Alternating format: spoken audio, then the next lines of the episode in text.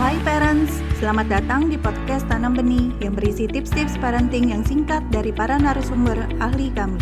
Untuk mendapatkan tips-tips terbaru kami, follow podcast Tanam Benih. Yuk kita dengarkan bersama.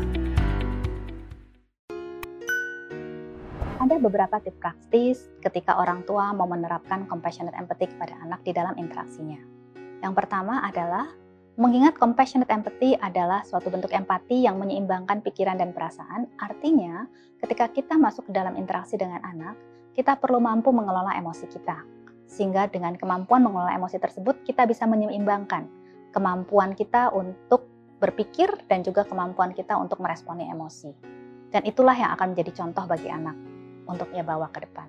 Hal praktis kedua yang orang tua dapat lakukan adalah membangun kesadaran diri, khususnya ketika orang tua mulai tergelincir kepada yang kita sebut emotional empathy, di mana di dalam emotional empathy kita dapat merasa bersalah untuk sesuatu yang sebenarnya kita tidak bersalah, kita dapat merasa bertanggung jawab untuk sesuatu yang sebenarnya kita tidak bertanggung jawab, sehingga hal-hal tersebut menyebabkan ketidakseimbangan antara pikiran dan perasaan. Dan ketika kita tidak seimbang antara pikiran dan perasaan, tentunya itu menghambat kita untuk melakukan compassionate empathy. Jadi yang perlu dilakukan adalah membangun awareness ketika ketidakseimbangan tersebut muncul dan kemudian segera memprosesnya. Kembali lagi, kita hanya bisa mengelola apa yang kita sadari. Dengan kita membangun kesadaran tersebut, kita dapat dengan segera melakukan pengelolaan sehingga kita dapat kembali bergeser kepada compassionate empathy. Tentu sebagai manusia kita tidak dapat 100% selalu berada di dalam compassionate empathy.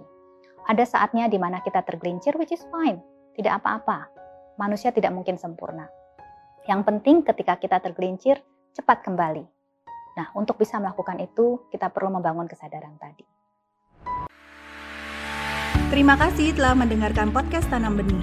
Jangan lupa follow podcast Tanam Benih. Tidak pernah ada kata terlambat loh untuk belajar.